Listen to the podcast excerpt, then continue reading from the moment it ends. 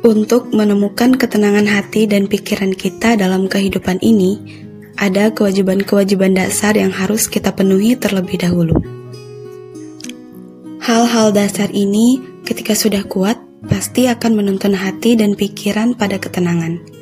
Setidaknya itu yang aku rasakan setelah memantapkan hati dan berjanji kepada diri sendiri. Jangan pernah tinggalkan sholat lagi.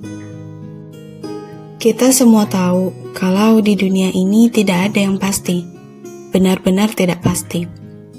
Tapi ada kepastian yang telah dijamin Sang Pencipta untuk jalan hidup semua ciptaannya. Selama kita terus berusaha, berdoa, dan mengingatnya.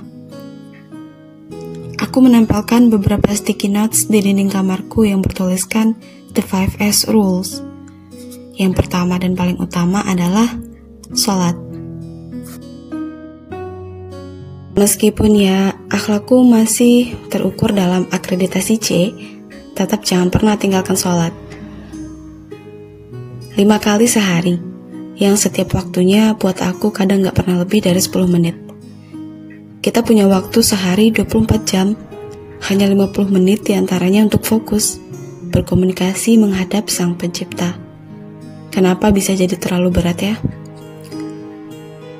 Ketika kita membangun komunikasi dengan Sang Pencipta dan Pengatur kehidupan ini, bisa jadi kita diberi sebuah tanda dari semesta akan kegundahan hati dan pikiran kita selama ini. Tidak usah terburu-buru untuk menjadi umat yang sangat taat. Terburu-buru bukanlah dasar untuk ketenangan. Pertama, mari laksanakan dulu kewajiban.